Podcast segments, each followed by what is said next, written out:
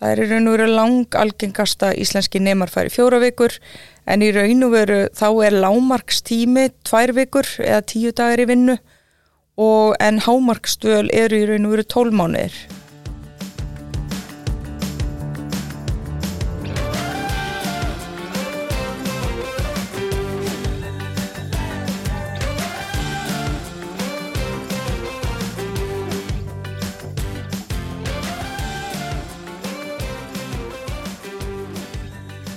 Komið sæl og verið velkomin í hlaðvarpiðuna fræðslusetturs augnabliki einaði.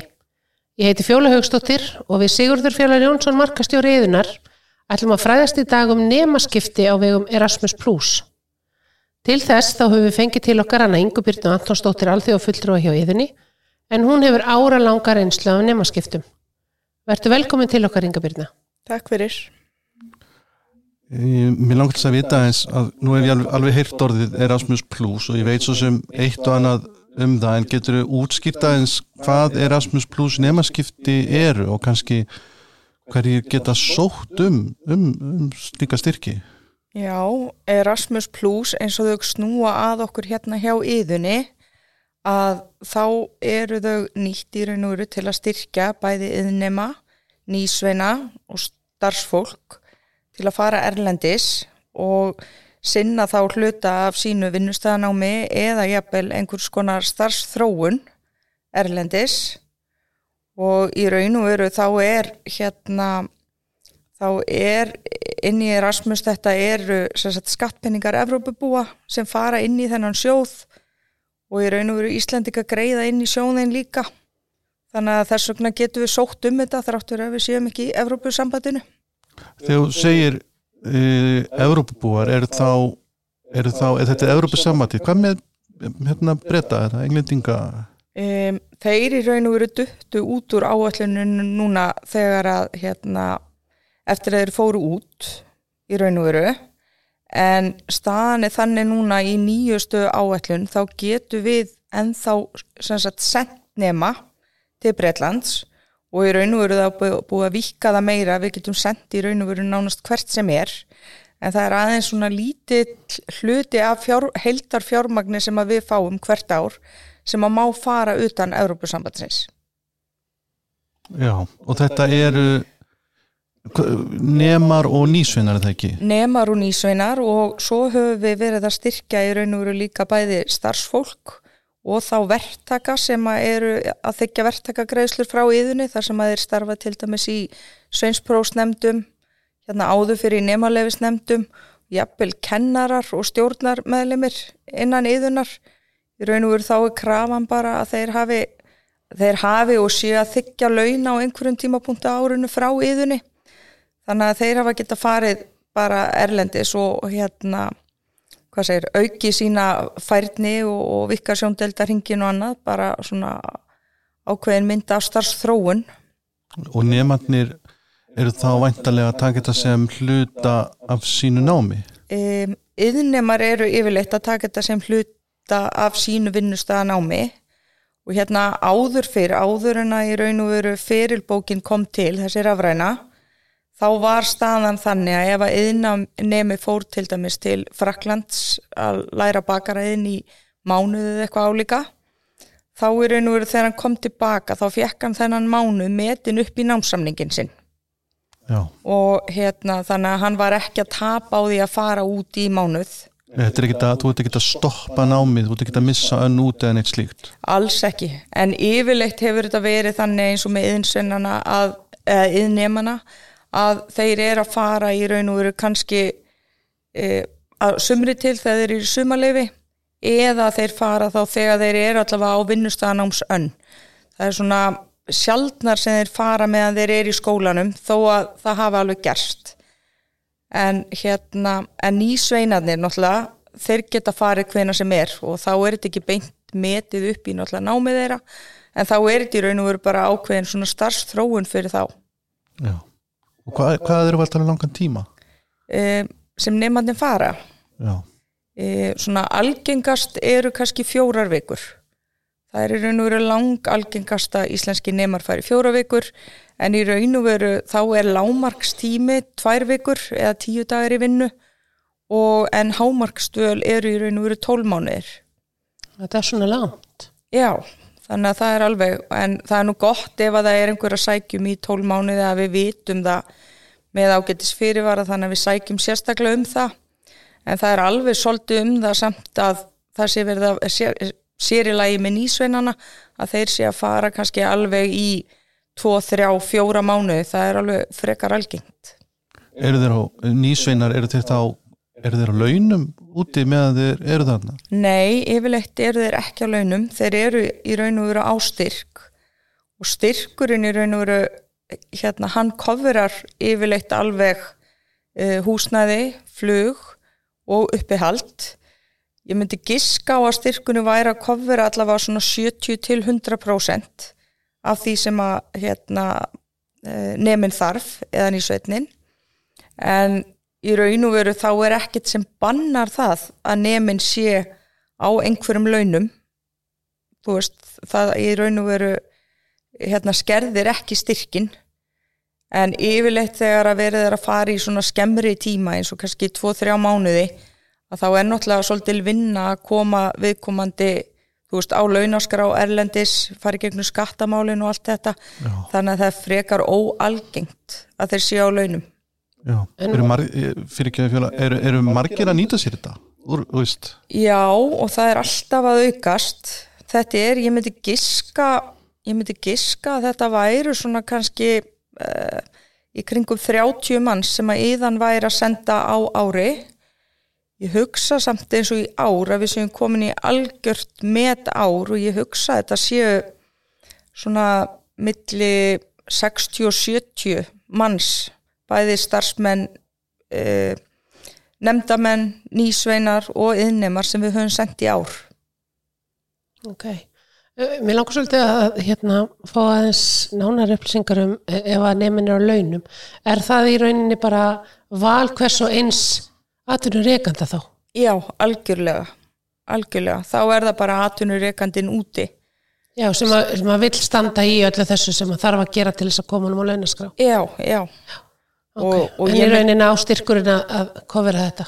Já, hann coverir þetta svona nánast, en ofta á tíðum alveg sömur staðir úti hafa til dæmis farið í það að skaffa hérna starfsmanninum jafnvel bara húsnæði, eru jafnvel með einhverjar sta starfsmannaherbyggi eða eitthvað álíka. Þú veist, þá náttúrulega hérna dugar styrkurinn ennþá betur, en, Já. En svona ef að fólk fer vel með peningana og er ekki mikið að spandira þá á þetta alveg að duga, sko.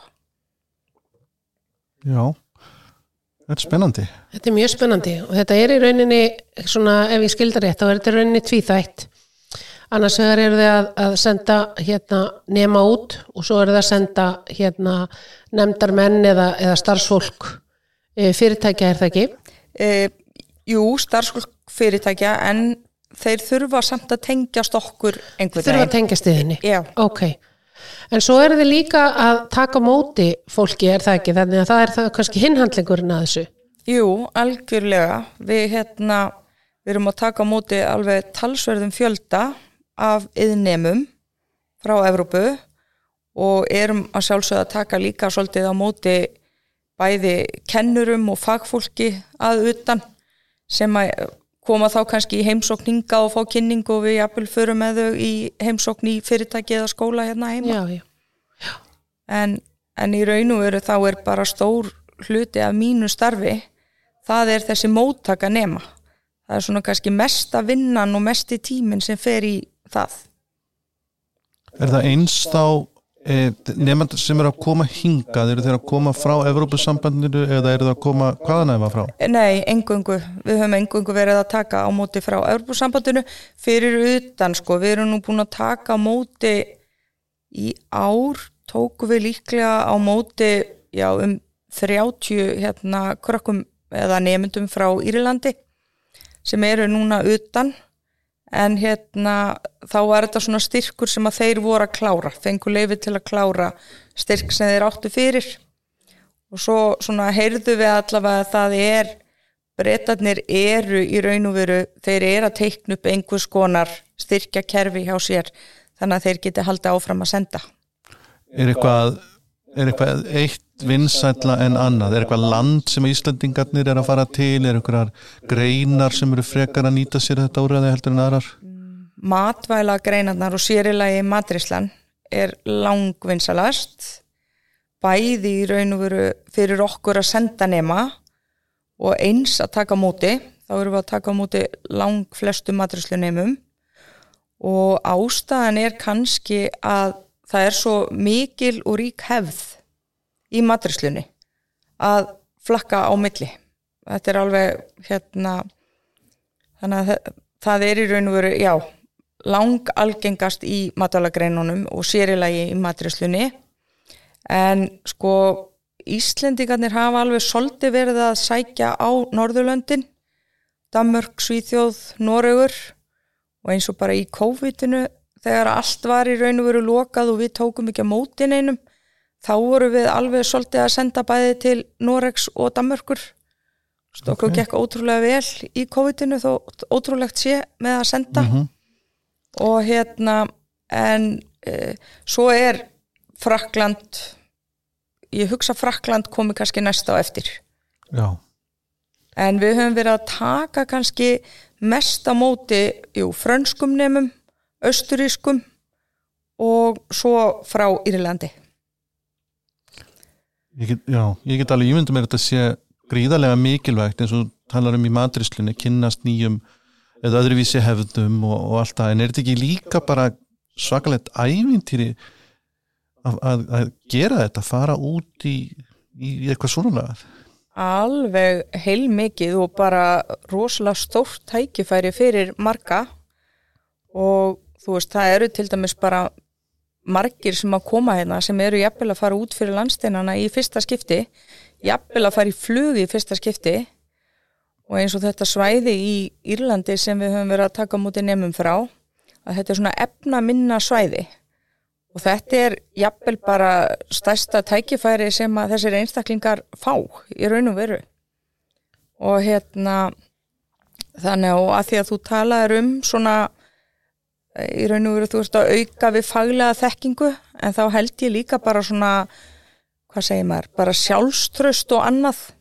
Ég held að það sé ekki síður að þarna í raun og veru, bara hvað þú eflist sjálfur. Já Mm. Þannig að mér eru oft fundist þegar að bæði einstaklingar er að koma og fara í kannski þrjár, fjóra vikur að mér finnst í raun og veru svona kannski fagþekkingin mér finnst hún skipta minna máli heldur en í raun og veru bara að ebla sjálfströstið og bara standa á eigin fótum og við höfum alveg sé einstaklingar sem að hafa komið hérna eða farið út og þau koma í raun og veru bara mörgum númurum stærri tilbaka.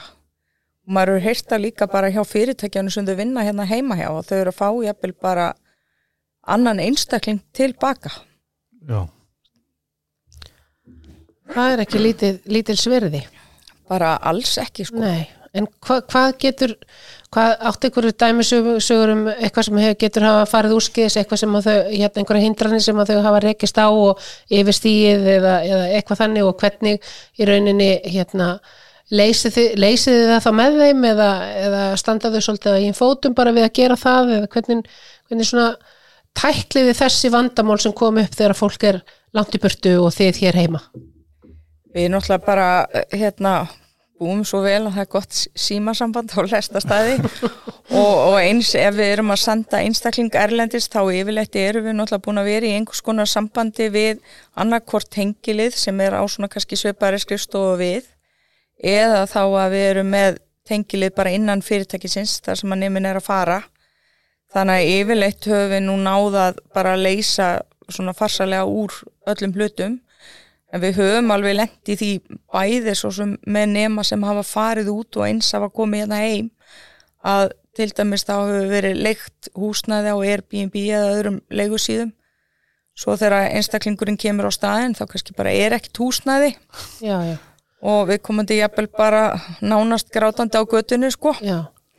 og hérna en ég held bara að vandamálin eru bara til að leysa úr. Uh -huh. Og við höfum alveg lendið í hérna heima líka, við höfum verið að taka móti kannski frönskum nefnum sem hreinlega tala ekki stækt orð í ennsku Já. og hafa jafnvel komið með kennara með sér sem talar heldur ekki stækt orð í ennsku Nei, Og hérna, að finna þannig einhverja að- lausn á því. Já, já, þetta hefur verið svona látbræð og svo svona síðustu árin þá hefur svo sem Google Translate komist stertinn Já, og þú veist, þótt ótrúlegt sé að þá hafa hlutirnir gengið og þú veist, bílvélin er allstaðar eins í raun og veru þannig að það þarf kannski ekki mörg orð en, en við samt sem áður kjósum í raun og veru og svona reynum að brína fyrir þeim sem er að senda nema hérna til okkar að það sé grunn þekking í ensku. Ég held að þeir nemar þeir fái meira út úr í raun og veru dvölinni það eru auðveldara fyrir þá að til dæmis tengjast þá bara öðrum nemum kannski á vinnustanum upp á að upplifa bara dvölina betur og hérna fá að mingla svona við kannski lókalinn ef ég má sletta já, þessi félagstengsl er svo mikilvæg. algjörlega, algjörlega Sérst ekki einmann einhver staðar í, í, hérna, í, öðru landi og, og málaus og, og það, Já. þetta, það, get- það getur verið challenge fyrir fólk. Örglega. Ég ætlaði einmitt að tala um tungumálið og ég, veist, ég var að spá í kannski nema í matrislu sem eru áhugaði að kynna sér franska matagerðar list er þá nóg að viðkomandi sé góður eða góð í, í ennsku? mm, mynda, er það stoppa fólk af að fara í eitthvað að því að tungumálið er eitthvað nei, hindrun? nei, það stoppar alls ekki sko og ég held bara eins og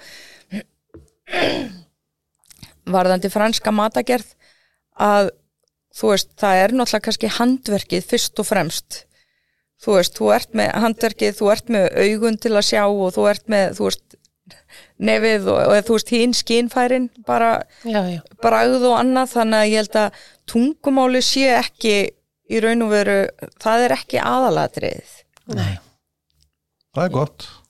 Já, mjög gott, já, það annars væri hérna, já, Evrópa var svolítið loku fyrir manni ef við ætlum að, að láta það stoppa okkur. Auðvitað er enska mjög útbreytt algjörlega en, sko. en hérna, einmitt að, að, að taka þetta bara sem hluti af ævintýrinu.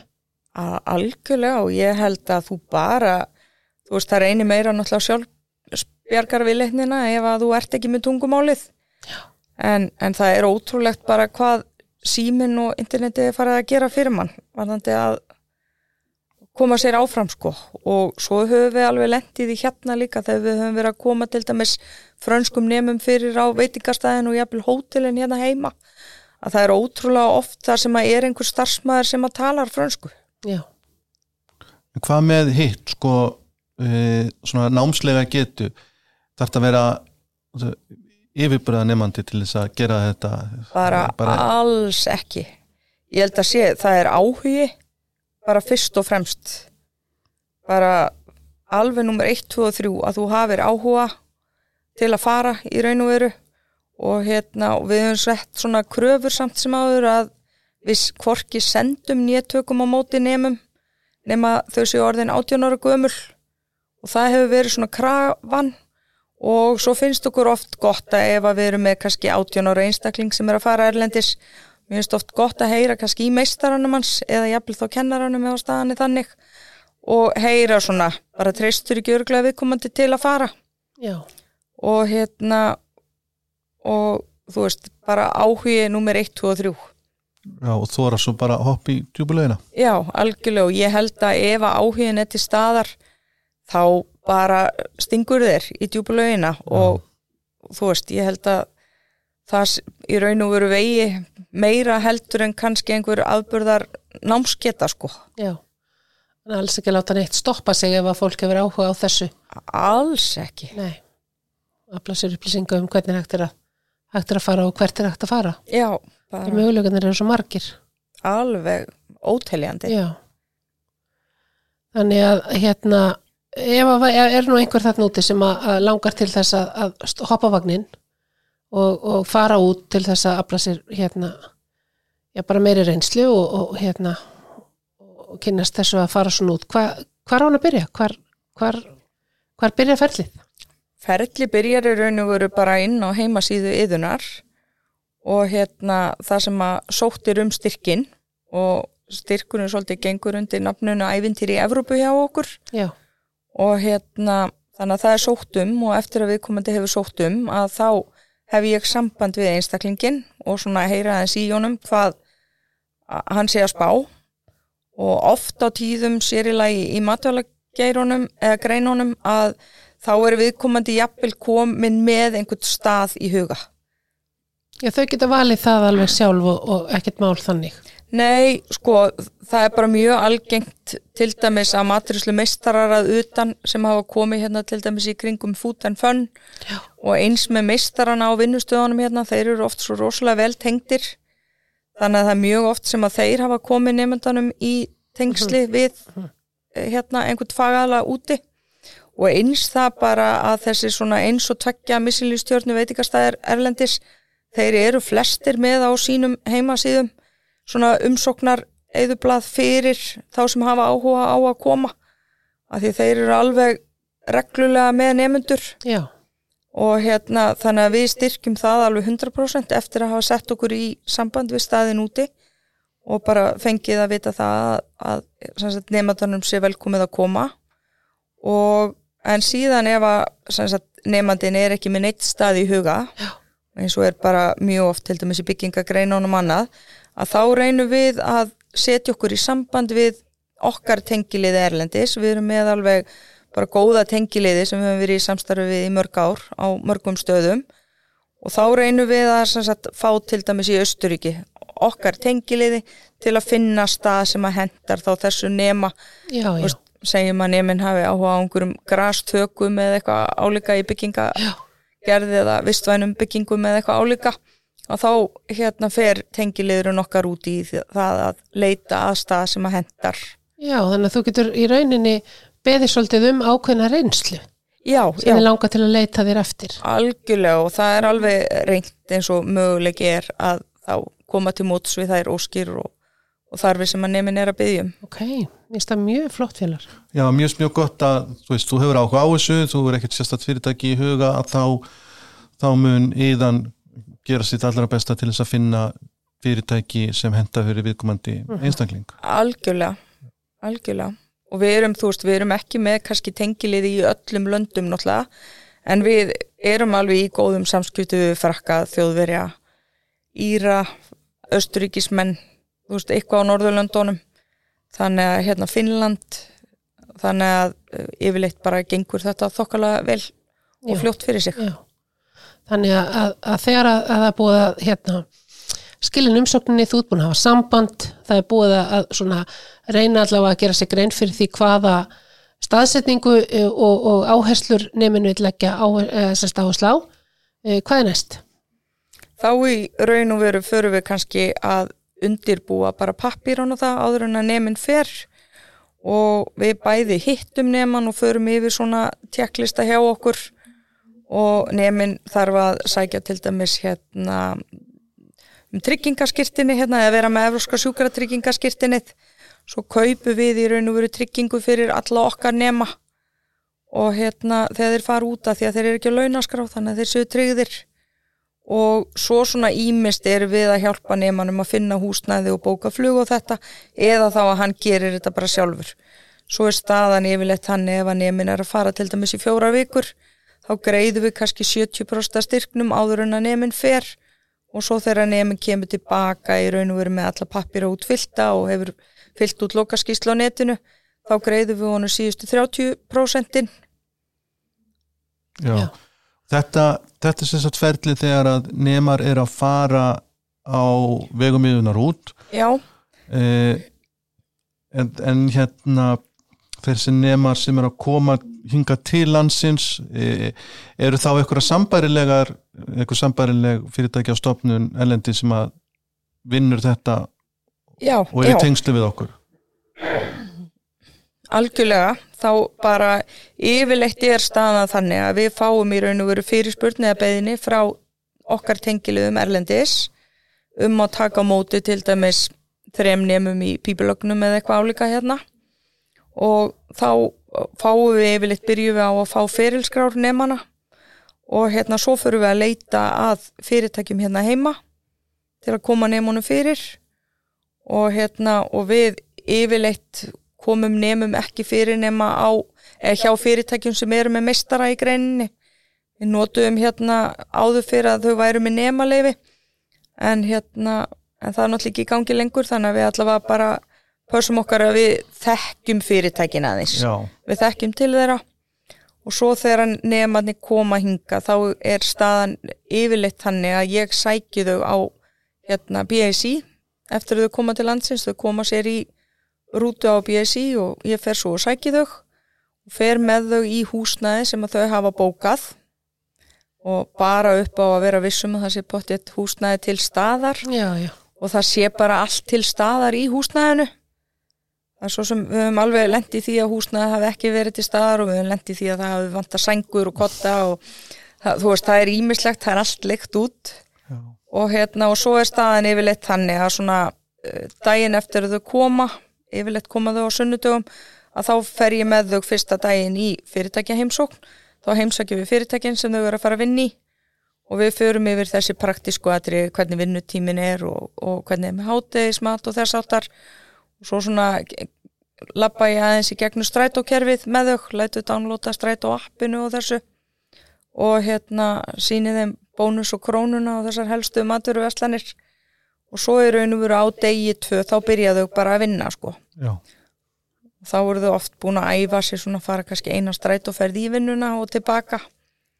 Svona aðeins að testa kerfið. Og svo er, er í raun og veru staðan þannig að meðan þau eru hérna þá eru við til tax í raun og veru, þú veist ég er með Whatsapp í símanum þar sem þau geta alltaf sendt eða ringt já, já, já, bæði svona þeim til halds og tröst og eins fyrirtækjunum. Já. Já. Er Er, eitthvað- er það sambyrilegt úti? Er, eru þeir með þetta öryggisnet eða svona á, hafa, þau, hafa þau aðgangað starfsmunum þessara skrifstofa sem þeir eru því í samskiptum við? Já, yfirleitt ef að við erum að senda nema í gegnum okkar tengiliði en, en eins og með matrislu nemana, þeir eru mjög ofta að fara á þannig að sé eigin vegum Já, já, þá er kannski ekki eins ekki sama bakland en, en yfirleitt eru samt þeir sem er að taka móti nemunum þeir eru alveg til halds og tröst já, Er þetta á ykkur ákveðnu tímabili? Eða nú ég er að spája þessum umsóknum þú veist, eiga þessi stað í janúar til mars eða, þú veist, er þetta sækja um bara hvenna sem er? Það er þetta sækjum í raun og veru hvena sem er og yðan sækjur um styrk til landskrifstofunar í raun og veru á hverju ári og styrkja, styrkurinn sem við fáum inn í júni er yfirleitt svona tímabilið er 15 og upp í 18 mánuðir hvert styrkja tímabil þannig að við erum alltaf með kannski tvö styrkja tímabil í gangi. Þú veist, hver nemi má bara fara einu sinni á hverju styrkja tímabili en við höfum alveg verið með nemyndur svona kannski svolítið afburða nemyndur allavega afburða einstaklinga í sínum greinum sem hafa farið út kannski þrísvar hafa farið út kannski tvísvar sem nemar og farið svo aftur út sem nýsveinar og við erum meira sem með dæmi núna þar sem að einstaklingurinn er búinn að fara út sem nemi, búinn að fara út sem nýsveit og er svo að fara út að keppa á Euroskills Já, sem að við náðum að styrkja núna í fyrsta skipti já, sko. já. Hvað er löngu eftir að þau útskrifast teljast þau vera nýsveinar? e, það er ár eftir útskrift Þannig að þau hafa aðganga þessu, þurfa þau að fara þá innan árs út. já, já, og í raun og veru að koma inn við höfum svona oft miðað þetta eh, við það tímabil þegar þau fá í raun og veru sönsbrifi sitt Já. í hendurnar Ok. það er yfirleitt svona kannski 2-3 mánuðum eftir prófið sjálft Ef að það er fyrirtæki þarna úti sem að er hér á Íslandi og langar til þess að taka þátt í þessum nemaskiptum, hvernig getur þau, hvernig þau að hafa samband? bara annarkvort að ringi mig eða senda mig tölvupost á ynga.iðan.is Já, já. Þetta er líka, sko, þetta er ekki bara gefandi fyrir, fyrir neman að koma, heldur ég get ímynda mér að þetta sé líka gefandi fyrir fyrirtækið að fá. algjörlega og við höfum verið það heppin bara, þú veist bara í gegnum árin að þessi fyrirtæki sem að við höfum verið í raun og verið að senda nema til að þetta eru fyrirtæki sem er að gera þetta aftur og aftur og aftur. Og það er ekki eins og fyrirtækin sé að fá inn til sín einhverja fullmótaða einstaklingar sem fara bara beint í það að vinna. Þetta er ekki ókipis vinnuafl. Þú veist, það er verið að kenna einstaklingnum og þetta tekur tíma að koma einstaklingnum inn og annað. En fyrirtækin sjá haksin í bæði að bara aðeins að auka starfsánægju sinna starfsmanna sem er að kynnast þarna kannski nýjum menningar heimi pínulíti í gegnum neman og annað. Og þetta líka svona kannski eigur, hvað við segja, starfsána í íslensku nemana sem eru inn á fyrirtækjanum og opnar pínu þeirra augum fyrir Já, þessum möguleika. Þannig að þú veist, við gætum aldrei gert þetta nema að því að við erum í frábæru samstarfi við ótrúlega flott og viljúk fyrirtæki hérna heima. Finnið þið fyrir einhverju tengingu uh, á milli þeirra nema sem að fara og svo þeirra fyrirtæki sem að, taka, er þetta sömu aðilarnir? Er, er þetta kvartning fyrir, fyrir fyrirtæki að taka nema eða hefur sendt? Um, það er, já, það er kvartning. Við værum samt alveg til í að sjá meira af því. Já, Og ég held að, þú veist, og það er ekki áhuga leysi, það er kannski meira svona aðgerðarleysi að koma því ekki í gang. Við höfum alveg verið með fyrirtæki hérna líka sem hefur verið duglegt að taka móti, en þú veist, nefnarnir þar hafa kannski ekki verið vilju er að fara, sko. já, já, En hafa samt sem áður fengið alveg góða kvartningu frá sínum yfirmanni og, og fyrirtækinu til að drífa sig, já, sko. einmitt. Þetta er auðvitað eins og þið kallið þetta ævintýri í Evrópu. Þetta Algjör, er sannkallað ævintýri. þetta er sangkallað ævintýri og hérna en kannski það sem að svona stoppar nefnana hérna heima stundum er að ofta tíðum eru kannski íslenskir yðnimar, þeir eru kannski aðeins eldri en þeir sem eru erlendis. Og það eru oft komna skuldbindingar, þú veist, fólk er jafnvel farið að búa og koma með börn eða eitthvað álíka, Já, já, þá er kannski ekki hlaupið að þessu, nei, en. En við erum samt alveg með dæmi þar sem að einstaklingum með batn hefur farið svona erlendis, tekið bara batni með og jafnvel foreldrana og verið bara yfir sumarið erlendis að vinna og amman og afinn bara með að passa sko. Já, það er allt hægt og viljinni fyrir hendi og aðstæðnar eru þannig að, að Algjörlega, svona gengur upp. algjörlega, Já. þú veist, ég veit alveg um tvö svona dæmi í sér hverju greininni þar sem að, þú veist, fjölskyldan hefur í raun og veru bara gert svolítið, þú veist, annar einstaklingur hefur bara farið í frí með börnin meðan hinn er að vinna sko. Já, já. Er andalega bara skemmtilegt. Já, gaman að því. Já. Bara ótrúlega skemmtilegt sko. Þetta er búið að vera frólægt spjall. Mjög svo. Eh, Er eitthvað inga sem að þér finnst við ekki hafa spurtingað, eitthvað sem að, að virkilega þarf að koma hérna fram þannig að fólk sé svona meira meðvitað um bæði kostina og, og, og gallanu þetta líka eða gallan ekki, bara það sem að getur komið upp á ef að, ef að þeir vilja fara út eða, eða þau. Nei, ég, nei, ég held svo sem ekkert sko svona sérstakt sko en mér langar kannski að segja ykkur samt hérna frá einum frönskum nema sem við fengum eða tókum á móti hérna um árið. Og ég held ég geti nú alveg tilkreint að þetta var nemi í bifílavirkjun sem kom frá Fraklandi og hann reyndar sko, þetta var svona sendiherra sonur. Og í raun og veru, þú veist, hann var frá hérna Benin í Afríku. Pínu litlu hérna, svæði í raun og veru í Afríku. Og hérna alveg flúendi ensku og ótrúlega flottur. Og ég man þegar ég náði hann á hérna, náði hann á samt fleiri nemum á BSI þá hérna kerði ég um á svona landkrúsir jeppa og drengurinn nánast fekk tilfelli þegar hann settist inn í landkrúsir jeppan því að hann var sko þetta var held ég bara mesti Toyota fan sem ég hef nokkuð tíman á æfinni hitt. Þannig að þegar ég vissi það þá var ég rosalega ána með það að ég hafði akkurat verið búin að gera ráð fyrir honum í vinnu hjá Toyota. Já, ok. og hérna því ég var búin að vera að dreifa, dreifa nefnunum aðeins svo var sko stað þannig að hann náttúrulega byrjaði að vinna hjá Toyota og hérna var hérna í fjóra vikur og, og bara og eins og svo margir frakkar sem koma þeir eru svo kurtisir og bara vel að vel upp aldnir og annað að þú veist það var alveg gengið á mótnana og öllu starfsfólki hilsa með handambildandi góðan daginn. Og hérna og svo náttúrulega þegar drengurinn fór heim þá náttúrulega fór hann alveg í bara nánast klættur í Toyota fatna frá topp til táar og ég held með þess að hann hafi komið en svo sumaröðu eftir Já. með foreldri sínu með eitthvað álíka sko. Það er skemmtilegt. þetta er svona eina allavega skemmtileg saga sko. Já. og ég meina og ég held að þetta sé alveg saga sem að Toyota líka mann vel eftir þú veist, Já, þetta já. er Já, algjörlega. þannig að er bara frábært. ótrúlega skemmtilegt Já, það sko. eru margar örglega svona skemmtilega sögur sem hafa komið bara frá dvöl og móttöku erlendra nema. Algjörlega, þú veist, þetta er alveg þetta er algjörst ævintýri Já. Herði, er þetta ekki bara fín loka orð? Þetta er algjörst æfintýri. Jú, mjög gott. Er það ekki? Inga Byrna Antonsdóttir, alþjóða fulltrúi hjá yðinni fræðslusetri, þakka að kella fyrir komuna. Takk svo leiðis.